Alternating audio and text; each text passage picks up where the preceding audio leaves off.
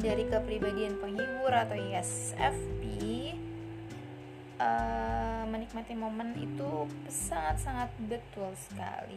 Kita lanjutin ya. Agar selama kesenangan itu ada maka mereka akan menikmatinya.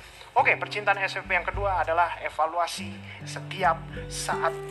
Ketika SFP merasakan bahwa hubungan percintaan ini aduh saya rasanya hubungan percintaan ini udah nggak menyenangkan lagi, udah nggak fun lagi, udah nggak membuat saya senang lagi dan riang lagi kayak dulu. Maka bagi SFP tidak masalah untuk memutuskan hubungan tersebut, ya. Dan oleh karena itu yang namanya SFP ini mereka akan selalu mengevaluasi ulang mereka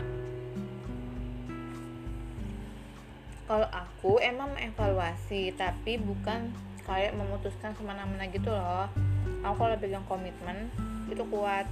Jadi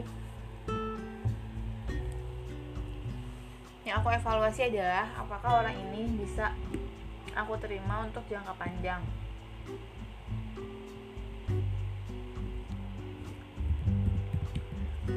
Jadi itu yang yang aku evaluasi. Ini relate juga sama podcast aku sebelumnya. Yang uh, aku bilang kan kalau misalkan di satu sisi dia emang baik banget peka banget helpful banget pengertian banget dan segala kebaikan lainnya. Dan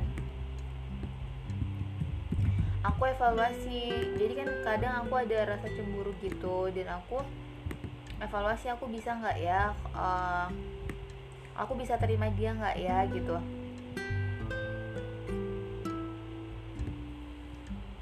untuk jangka panjangnya kayak gitu.